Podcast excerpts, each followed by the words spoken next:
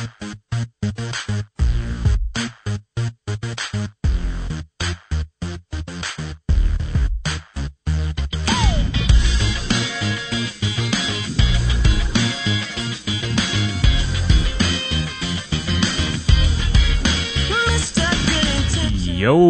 god kvöld, det er mykje kvöld, og to lort et muffins. Um, ja, klockan nu tjo, jag jag vet inte vad att man plejer sig i tror jag glömde att plejer sig vanligt. Wow. Eh, i kvöld så får vi att prata västliga eh runt och ja. Eh, man har skriva sin till brochyr en om kapitlet. Telefonnummer. Ah ja. Jag tror jag säger. Jag vill säga västliga kväll det är så får det vidare kunna ta Ja. Ja, ja, vi kommer ska skriva sildru en kapitlet i Gamla testamentet. Vi kommer komma sildru i natt här sötne, men jag vill alldeles inte till allt mest då. Att det där. Jag, jag skulle säga värsta kvällt var spajja tala och så pratar han vad jag är. Okej. Tala över alltså Rasmussen. Salmo Gregersen. Esther Gregersen. Danja Hansen. Men som sagt, vi kommer att skriva sin drur om eh, kapitlet. Eh, vi lustar sen sust. Og jeg halte vi kunne løsa det nå, eller at du ikke valgte å skifte kapittel nå i sust løtta. Nei. Nei. Jeg sier jeg tror alt trus til dere som uh, ikke lustar i sust vi går. Velkommen å lese han. Um, Annars, altså, som sms-skipanen er 2.13.6.4, det er jo velkomna sms-en. Eh, vi får bare byrja vi gjennom Sanche, og det er Old, Old, nei, The Old Rocket Cross tja Guy Pen Penrod.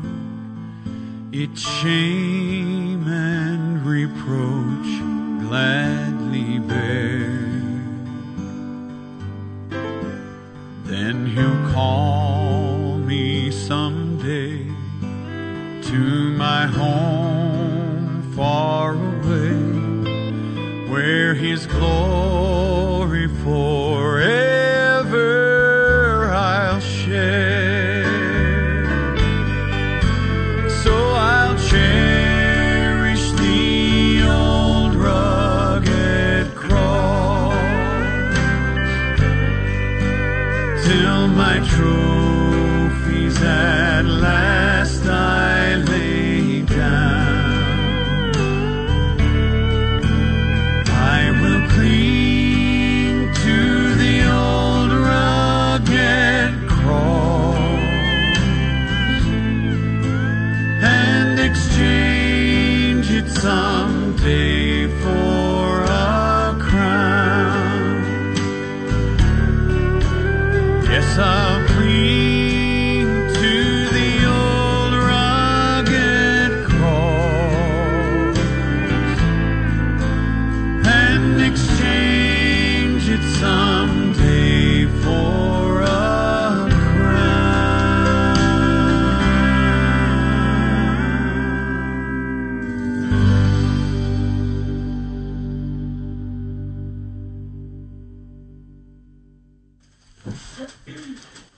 Her hørte vi The Old Rugged Cross tja Guy Penrod.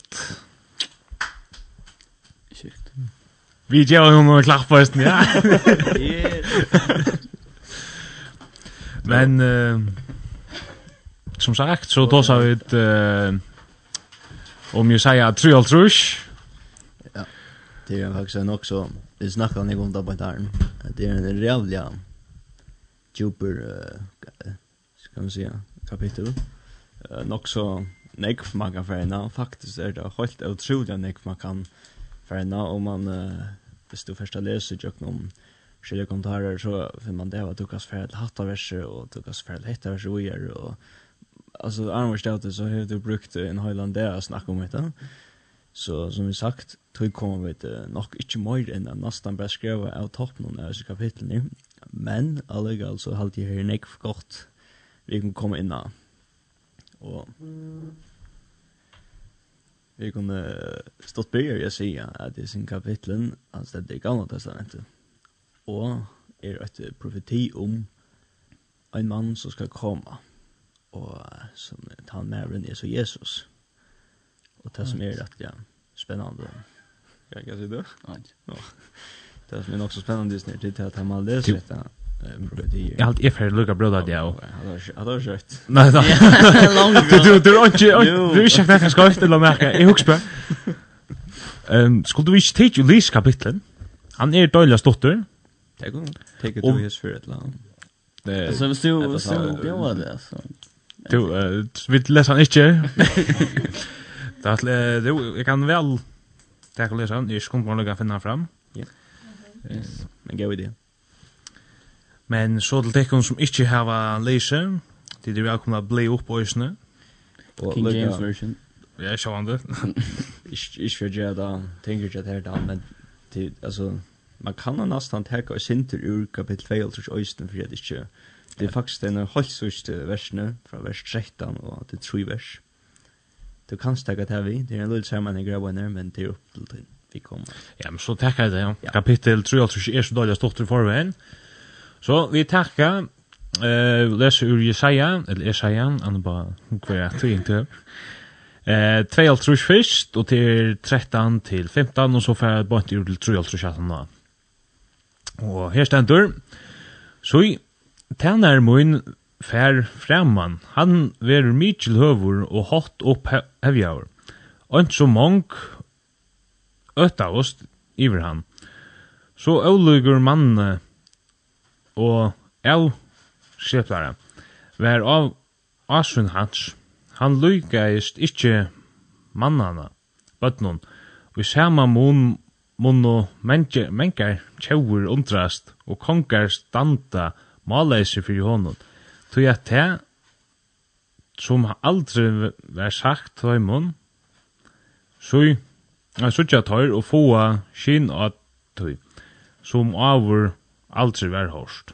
Og så kapittel 3 av trus. Hver true tui som okkom var boa, og hverjon var armur herrans oppenberaur. Han rann opp øns og kvistur fyrir asjon hans, og som rautar skott ur torrare gjør.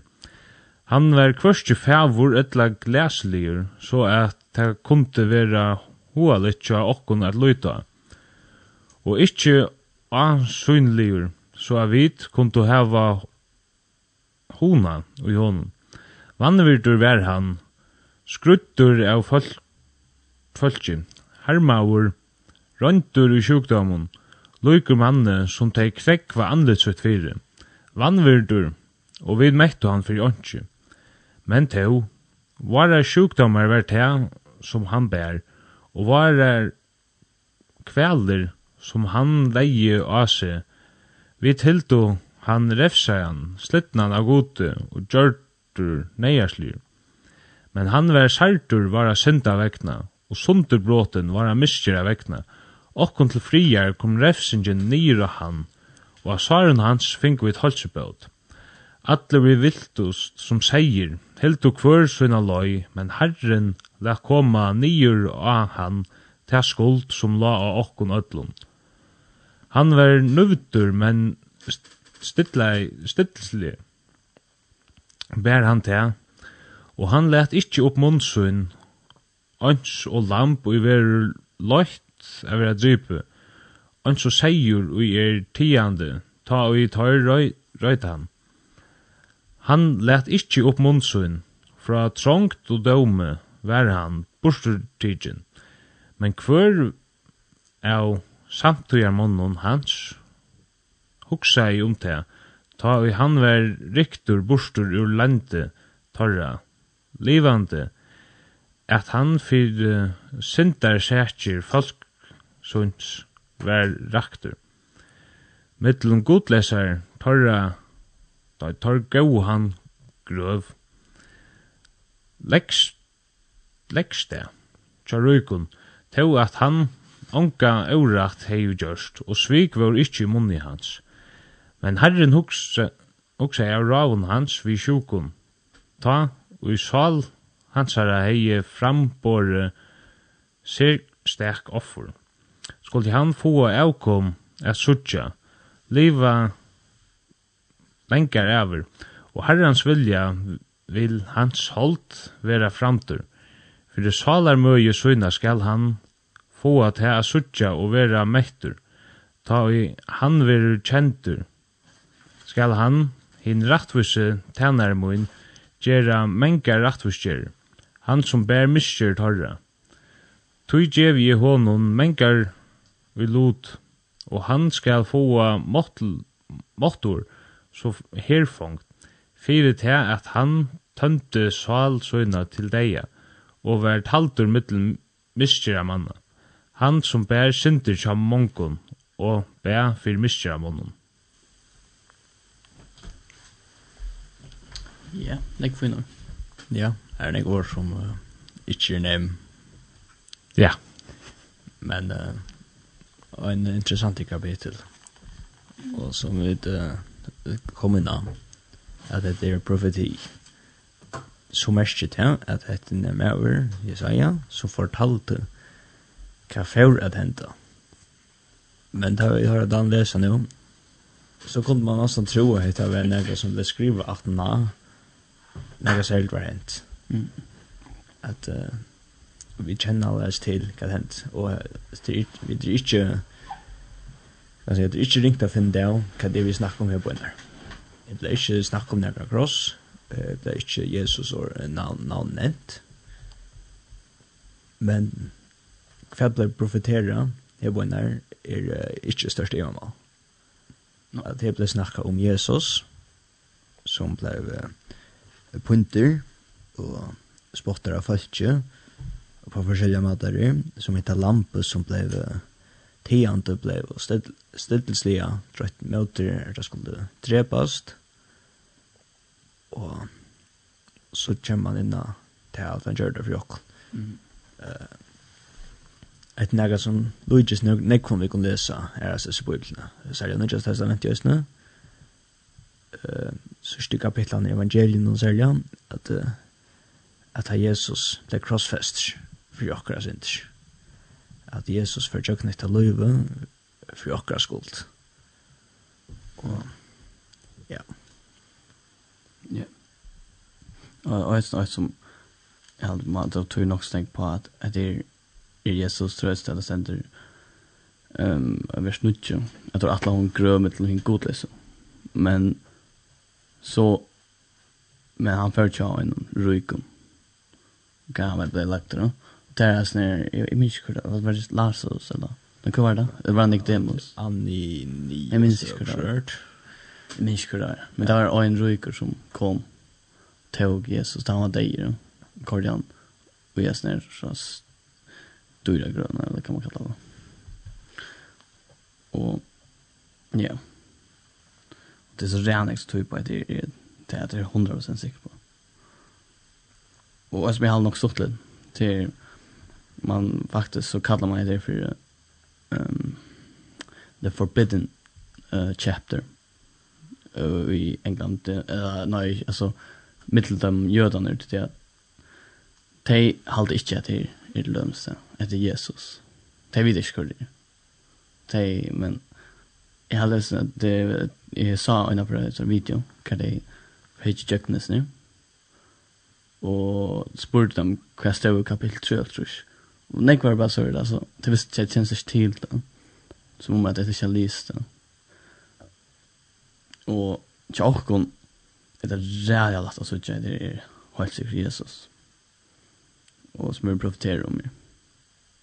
Så hadde jeg nok stått litt det. att jag syns inte kanske sin løy faktisk at det er ikke det er ikke å suttja det. Men det er ganske sånn at det er förvanta av det er sånn her messias som ikke ble driven men en sån messias som skulle det komma en hest og drepa alt rømmer og ikke og alt det der. Men det som sender her er at han döjer. Eller han var illa vid färden och Ja, och just ett annat som är det är vid lampen. Det är att att han eh han var stittar som en lampa. Ta ta sån här konkurrent, konkurrent som spurte han. Eller S2 eh såna gods eller det. Det var och konkurrent Och ju för den John någon. Ja, det är han som eh gav eller prästen om säger JT tid vi han som ja det det är han eh jag vill ta så vad jag är skumt man finna det fram. Men ja kus för ta det spyrja Jesus och spyrja han om okej är du sån god till det? Så svär han inte. Och han blir ytterligare alltid. Alltså med mävren som spyr han till han svär men här stämde att han var stittler. Som var lamp. Och ösnen då han var slien allt det. Så var han stilt som han var man jag var inte där fläkt när det. Men tar man fläkter så faktiskt man tar sig in i lampen så ser det oh, man får vänta ordentligt att det är skrallet och hjälp eller whatever. Men onkänt det. Och det är stilt faktiskt. Akkurat lika med Jesus. Och det är vi långt sagt här gamla testamentet. Och jag säger så, men og det hender øysene. Jeg vet ikke hvordan det går, at han er, jeg alltid sier 800 år, at han er det det. Alt, men jeg skal ikke det bare. Men, og som er fra akkurat perspektivet er det 2000 år siden. Om det. Og jeg vet ikke, jeg vet ikke å finne det da. Du kan da være rett at det er Pontius Pilatus. Ja, det er andre mener, ja. Ja, jeg er ganske... Nei, jeg minns ikke 100% at men jeg halde bestemt det andre, men ja. Jeg kan bare hukna der, pointer under Pontius Plats, og jeg halde det var han, men jeg la ut igjen i fulltrønning. Du nevner det at han stedler i snitt at han var som heter Lampe som uh, ikke gjør det møtstøv faktisk. Ja. Og vi leser i snitt om at han han gjør det ikke møtstøv. Vi kommer fra i i hans evangelium kapittel 12, vers uh, 22, Jeg skal forklare senter, senter. Nå er salmen full av uh, angest, og hva skal jeg sija? Fæger, bjerga mer fra hesen tøyma. Senter, nøy, til tess er jeg komen av hesen tøyma. At, uh, jeg skal kanskje senter ringe skilja, men jeg krom. At uh, jeg sier at ja, når bensin etter fått lirka nå, til han vika for henta. Mm. Han var ikke ganske i jøkken om, men hva, så spyr han, hva skal han så sija? Skal han bjerga, spyr han, fæger sin, himle om att bjerga så er fra hesen till himmel eller fra hesen det som skal hente. Ja. Og så svär han at själv när det hette han er är kommen för. Tack då. Eh att han är kommen för för jocknet det for jag synd. Mm. Så ja, han er rett av fotlig. Han er en människa lika så vidt, Men det är fullkomna menneske som ja. kom i her fire Ja. å se hesa oppgave. Det är så han han kunde gå träcka ner krossen om man är. Ja. Det att han är vald ut, ja men han visste det. Det är Jerry, alltså inte för honom själv, han gör det för åkken. Och det är så där störst faktiskt. Och det var ju så snä att jag synte att det är god hur skila till mig. Det är, han är långt sett för att det ska hända. Och det händer. Ja. Jesus, alltså med människa. Och vi läser också till att han tror, att, nej, han ja, Simon, ja, han, alltså han, kan jag säga det, alltså han, tar man ner hoonklon. Ja, jag säger det ordet där, jag minns. Eh, fröstas, jag var det. Ja. Jesus, man läste att Jesus fröstas. Och det gör han. Och det är inte synda fröstan. Det är bara att ta det först, det göra det som du fröstar efter dem. Och Jesus han han han är säkert först om det det det tar han för att bia ja där eh eh det är också där om att han blir god om att ta collagen. Ja. Ja, fraser. Ja, som nåtna. Ja, och som nåtna. Ja. Och han ger att trutcha för nu, men tar han ber om det så säger han att det ska vara två miljoner. Inte till att han vill eller att Men god han han visste så gärna. Han visste ganska jukt nu. Han visste han för att få ett och allt det. Det han var 100% människa och 100% god. Mm og han føler akkurat løgene på innan som vidtjer. Og, men han lykker var kjalt om alt det der, så vil han stadig ikke si, nei, jeg vil gjøre nesten her, for tikk, for bjerget tikk, og, ja, det er størst. Ja. Og, ja. Det er liksom, jeg har øyne i hva avst, ja, det var Pontius Pilatus. Det det är det har lyssnat fram nu.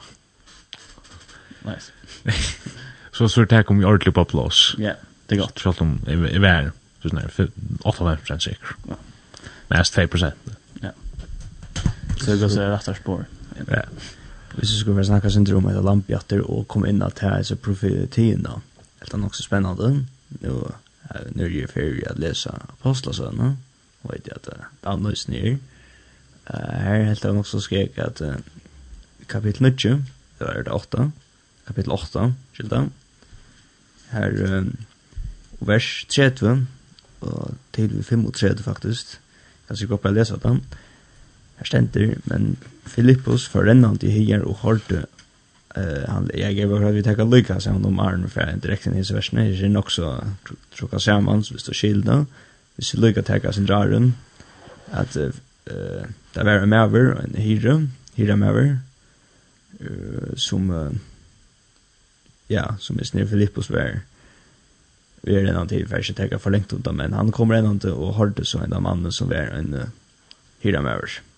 Så tekker det men Filippos för en av de hyre og hørte han lesa Jesaja profet. Og han sier, skil to till som du leser. Men han säger, "Kosse skal det kunna ta utan att onkel på in med?" Och han ber han Filippus stå upp och sätta sig chaser. Men det stitche av skriftene som han var vi å lese, var hetta, som han sier var han lødder til skorer, og ønsk og lamp er tiende møte tog som klippet dem. Såleis leter han ikkje opp mot sin. Og inn Neier stand nun ver dømer hans er avtidgen hver kan sia eh, fra at hans er Vi tar at loiv hans er i tidsi burs av hjørn. Men hira mæren tåg til åra og sier vi Filippus, sier mer om kvann profetiren, profe, profeteren. Det var, sier mer om kvann sier profeteren hetta om. Om seg sjálvan, eller om omkran annan og så hvis vi teka hver 35. Og Filippus let opp mundsun og ui tui tåk han under vi hesson skriftene, skriftåret, for han har boa honom glede i bådskapen om Jesus. Hesen er hyra med høren er spyr, kvann uh, profet, uh, profeten er snakkar om her bønner, Om han møyna seg sjolvan, eller om han møyna kan annan. Og ta vi kun lese om at Filippus han, han får snakke om Jesus og en glede på skapen Jesus. Der pågår han nu ment Jesus. Og nu, nu er vi de apostelsøvene. Hette var at man krossfestingene. Og han teker, og tar var alt etter hent som, som står skriva i Jesaja, som bare skriva lengt der. Så her var det gynjop. Så her kom det syndrom om han her han at eller om, om lampe faktiskt. Att uh, här kommer vi att det kommer läsa det här kvar uh, kvar ett lampe var. Kvar skulle ett lampe förstilla att det var Jesus som var uh, stilt och ja, inte gav motstøv. Ja. Ja. Og det ser faktisk, selv om det beste det her på, men det er ikke alt gammelt som heter, så har man om at man offrar en lamp och så där. Och Jesus vill nämnt det fullkomna Ja. Och jag var inte akkurat kvar där. Det är nog något skål så det, men eh uh, det var också vi att poin eh uh, lampes alltså som är typ offra. Det ska det ska ånga det blir brått eller det. Ja, men det är det ska lampa ska vara ja. felfritt faktiskt. Ja, faktiskt. Och det är Jesus att det är att han Det var ganska ganska imynda Jesus. Ja. Det lämns att han ångrar det synden. Han var för fru. Och ser att det text som pekar på Jesus. Och det är så synd att man ser faktiskt jag kan alla gamla sömme. Gamla testamentet till det att det pekar allt med Jesus. Ja. Och om det så ska komma. Ja. Och ja. Det är det og det er några små detaljer i sin kapitlen her som som lykka som pekar bara mer og mer av at det var Jesus. Mm -hmm. um, og han skulle vi lukka komme inn av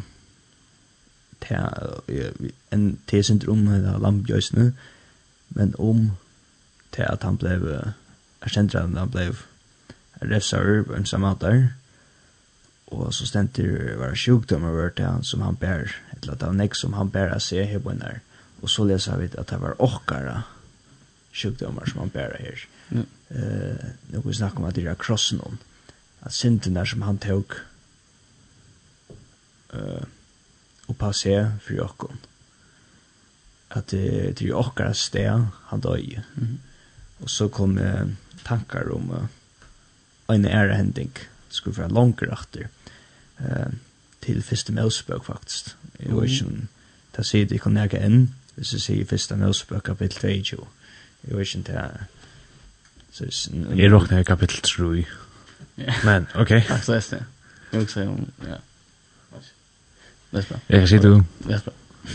Hvis jeg, ja, hvis jeg sier hva det er sånne titlene, eller overskriften i akkurat det er sånne kapitlen, så vet du det på en av veien, at det er offer Abrahams. Att nu så ja, nu är det också bra logik där. Att det efter att till en offring som för fram här på när och jag ser för att leva direkt nu inte spola fram till kapitel 13. Nej, men vers 13 skilda. Spola fram kapitel 13, vart kapitel 22 var klar. Ja, what? Kapitel 22 vers 13 stendig. Ta Tai Abraham hukte opp og löjde seg om ber han eia vi vägs som vi honom var vi hodnen hon var kom fast i en rom. Abraham förta förta och tog växeln och offra i han som brännjoffer och i stä sonar sjöns. Eh, att det är alltså nu, nu blir det lojda som knurr ner. Och jag måtte vi mer som märka att det här så sträckna och i stä sonar sjöns att det lyder faktisk det, det nästan året at det er ferdig å se på henne at at han dör i okkara sted. det. Mm. Att uh, nu er han hette lampjat. Her var det bruk som växer, men hette lampjat. det skulle vi vid som dör jeg vänner. Mm. Eller så upp att han hade han ett var okkara synder. Det var uh, okkara sjukdomar så på att han hade han som han tog upp på sig. Det är kjent uh, vers kapitel. Nej, ja jeg sier, jeg sier at den, kapitel 3 og 3 og vers 5, men han, vers hartu var synda vekna, om sundebroten var av miskja vekna. Okkon til friar kom refsingi nere han, og av herren hans finko vid halsa godt. Uh, at uh, det som han forjøkken, det var bare for okkon. Ja. Yeah. yeah. Ja, kan jeg si se dit la takka en sang? Ja, kunne man godt just. Praise you. Praise you. Ja. Du sin navn, John. Jeg vet ikke inte vad det er... Var det man vel kan heta fyrir sig någon. Nej. Du prövar fyrir. Nei, jeg har alltid säger det så visst. Och det var det? Pröva å si det. Samuel yeah. Ljungblad Blad? Ljungblad Ljungblad Jeg er nok sikker på at du, du det. Men lukka mykje, jeg har det så sannsyn Praise you.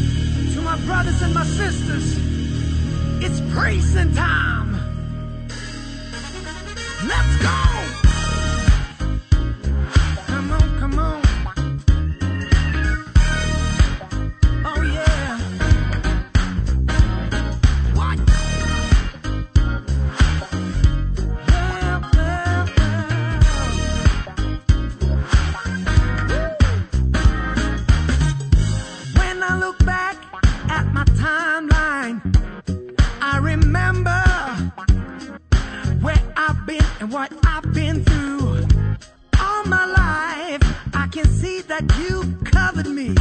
Been my shield my armor.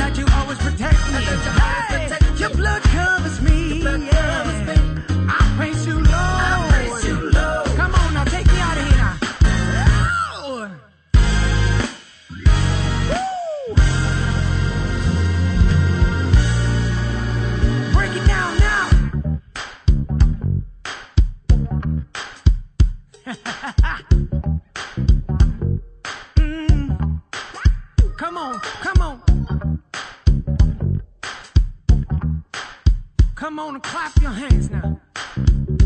Uh. Come on, let me hear you say it. Good God, I'm out and. Uh. Good God, I'm out and. Now there's so many things that I'm grateful for you. Good God, I'm out and. You keep on blessing me again and again.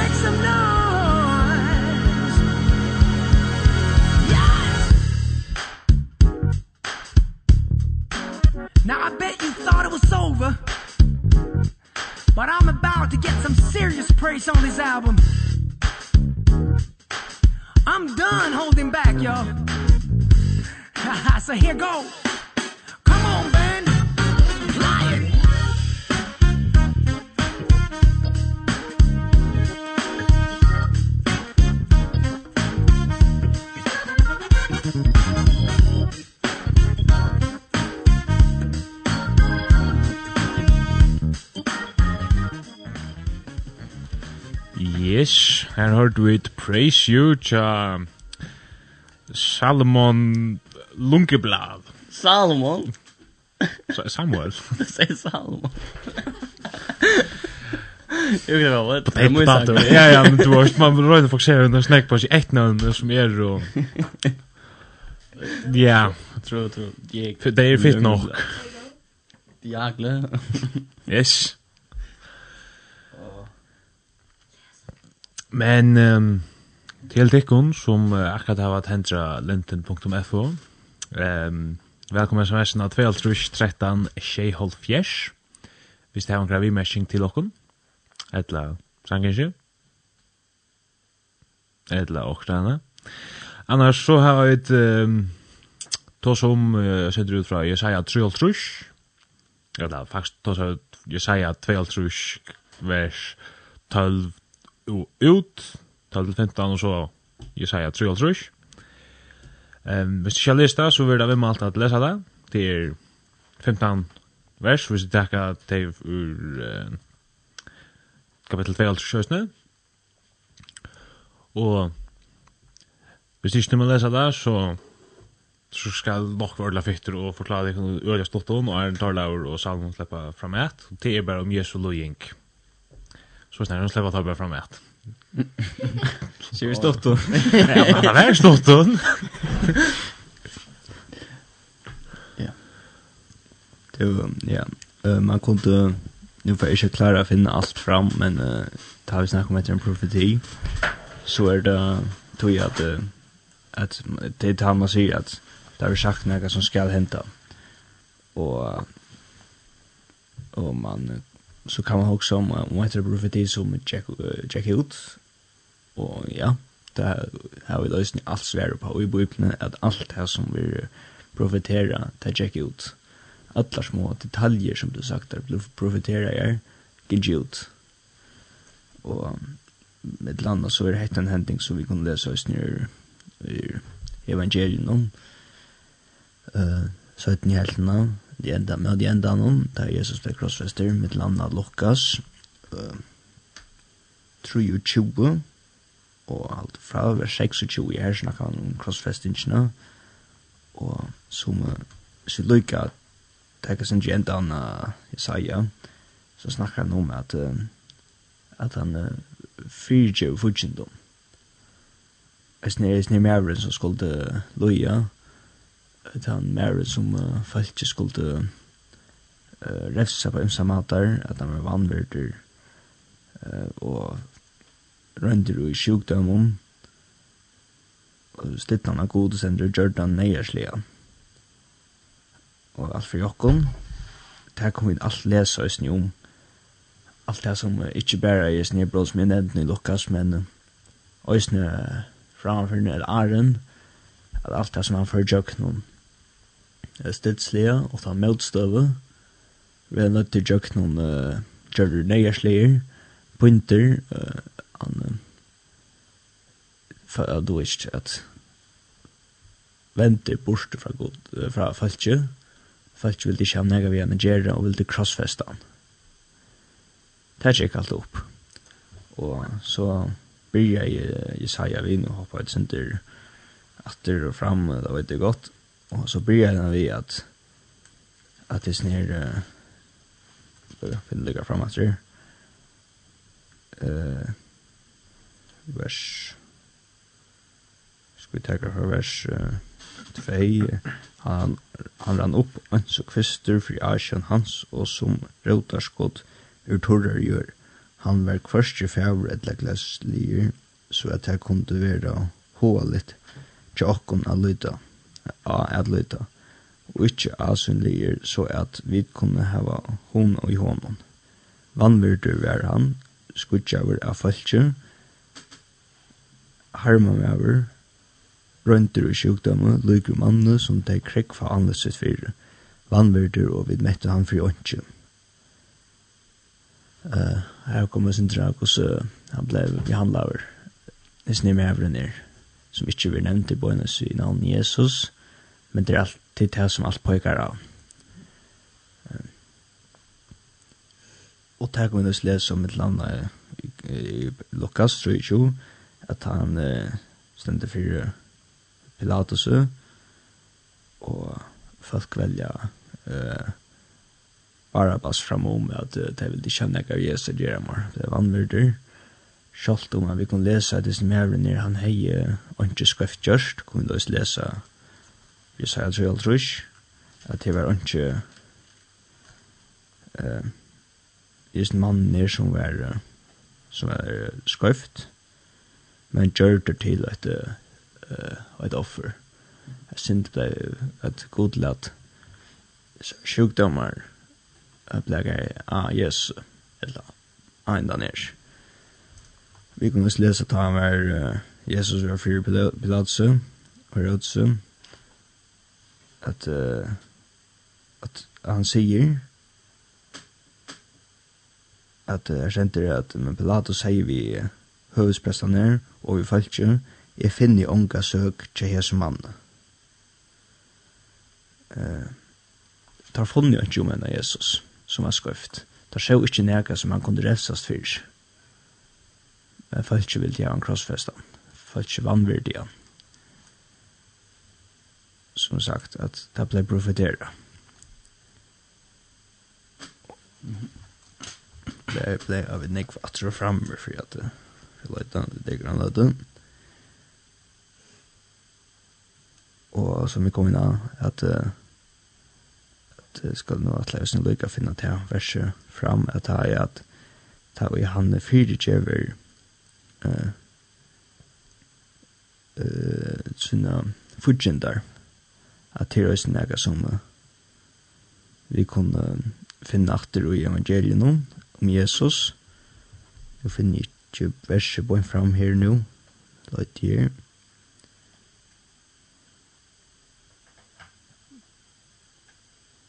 Og ikke du minnes stand hver det stod akkurat. Ja, men unnskyld, det ble vekk. Hva ble det etter? Vi lette et versen her fra Jesaja, som han snakker om at han fyrir jo synd... Eh, sex.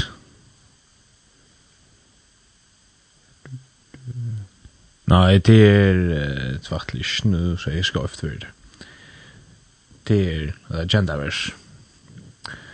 Eh, to.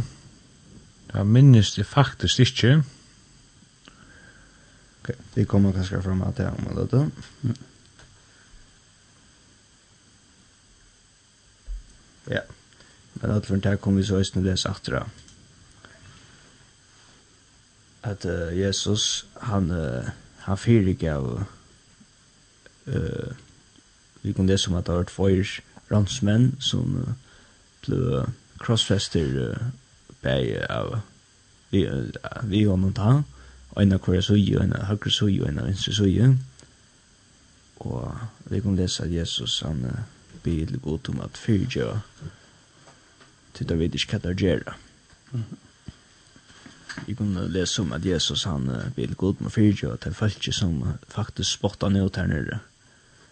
Uh, som sa han tog hans i nada for at uh, han hei godt kunna ferie av krossen. Mm Falske råpa i snja, han spyr han hver spyr han, at hvis han er snir, godren eller kongren er, Messiah, som uh, tar proferet til om, mm. som tar et, uh, som kom til alt etter, hvorfor han så spyr nere av krossen hon. Ja. Uh, som sier, det kom til han godt. Uh, det var ikke problemet her på henne.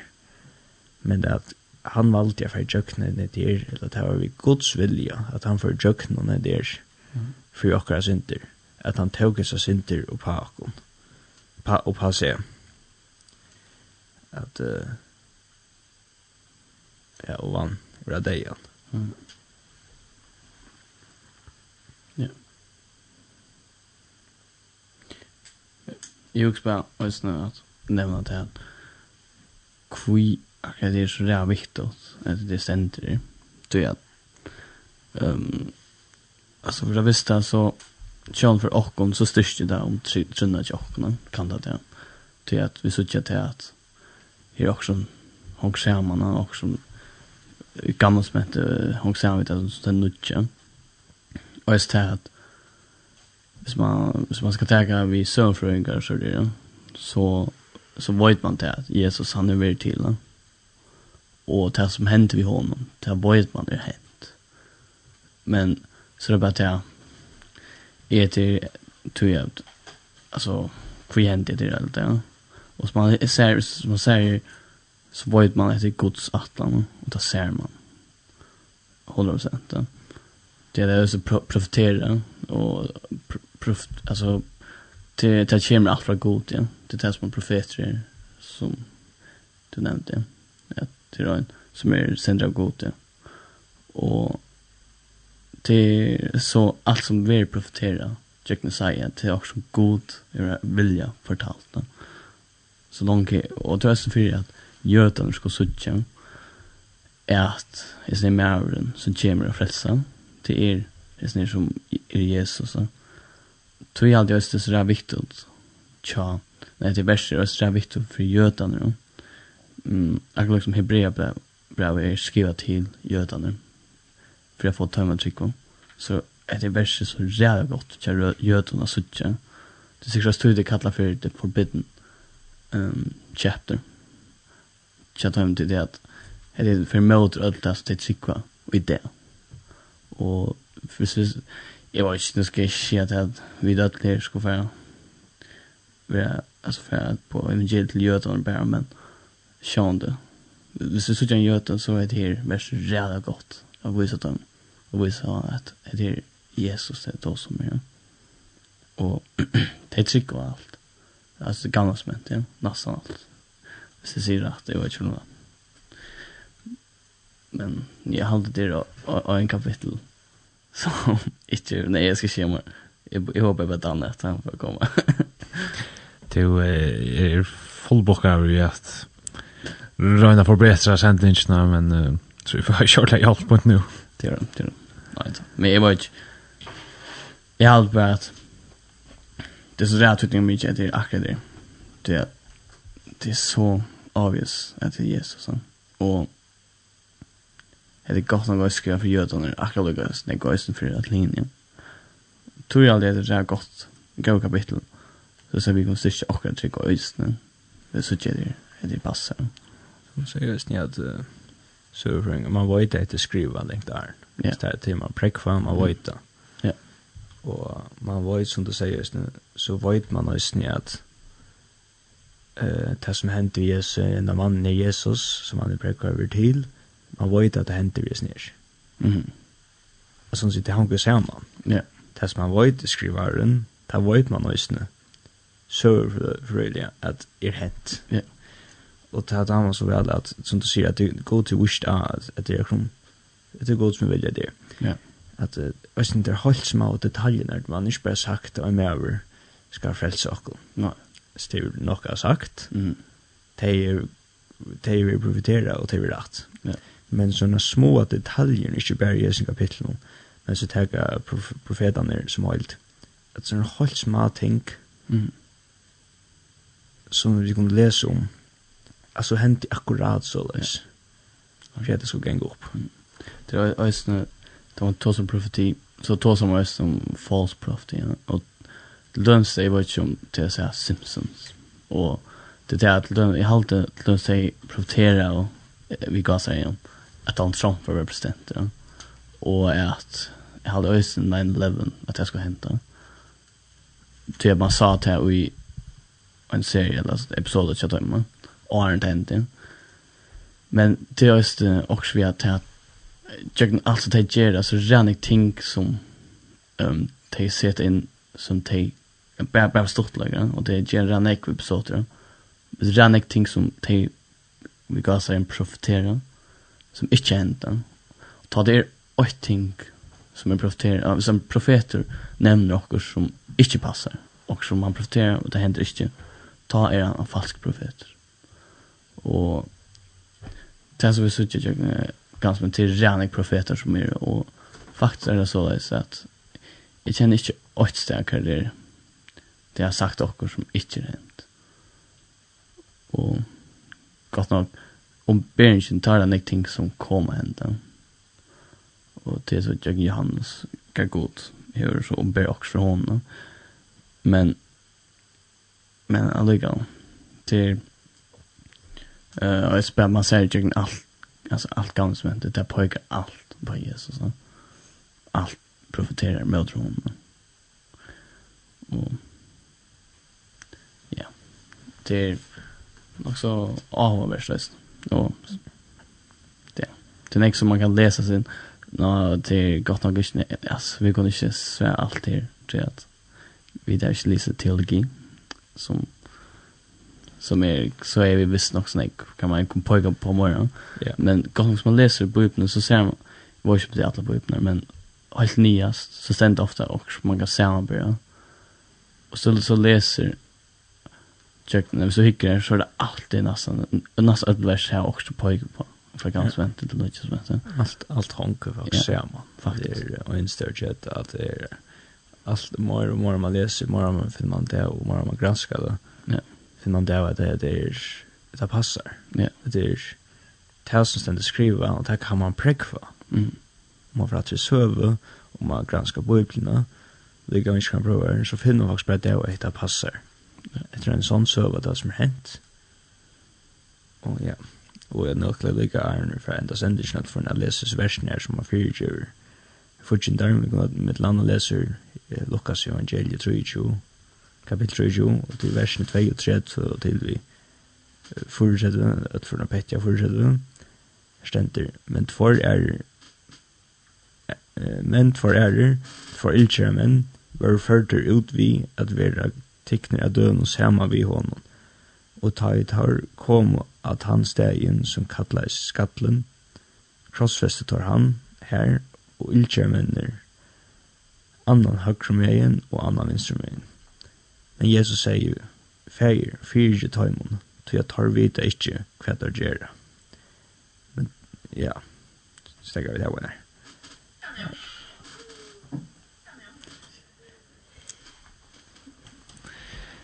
Ja.